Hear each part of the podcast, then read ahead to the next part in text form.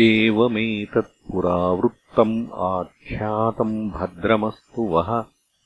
प्रव्याहरतविस्तब्धम् बलम् विष्णोः प्रवर्धताम्।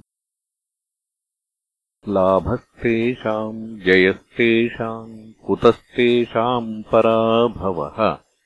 येषामिन्दीवरश्यामो हृदये सुप्रतिष्ठितः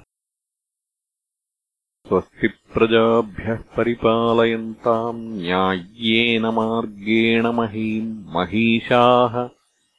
गोब्राह्मणेभ्यः शुभमस्तु नित्यम् लोकाः समस्ताः सुखिनो भवन्तु। इदम् भगवता पूर्वम् ब्रह्मणेनाभिपङ्कजे स्थिताय भवभीताय कारुण्यात् सम्प्रकाशितम् य एनम् श्रावयेन्नित्यम् यामक्षणमनन्यधीः। श्रद्धावान् योऽनुशृणुयात् पुनात्यात्मानमेव सः। एताम् यो नियतया शृणोति भक्त्या यश्चैनाम् कथयति शुद्धवैष्णवाग्रे।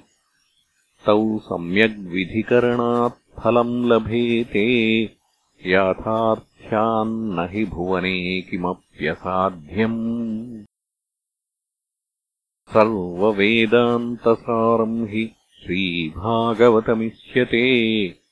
तद्रसामृततृप्तस्य नान्यत्र स्याद्रतिः क्वचित्।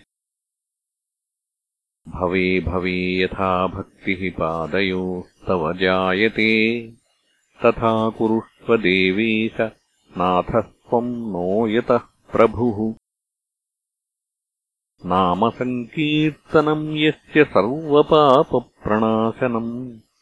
प्रणामो दुःखशमनः तन्नमामि हरिम् परम्।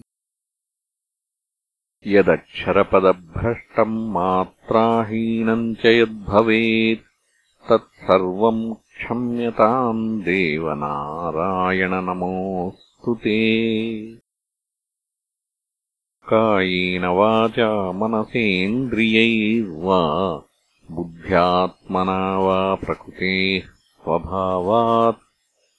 करोमि यद्यत्सकलम् परस्मै नारायणायेति समर्पयामि।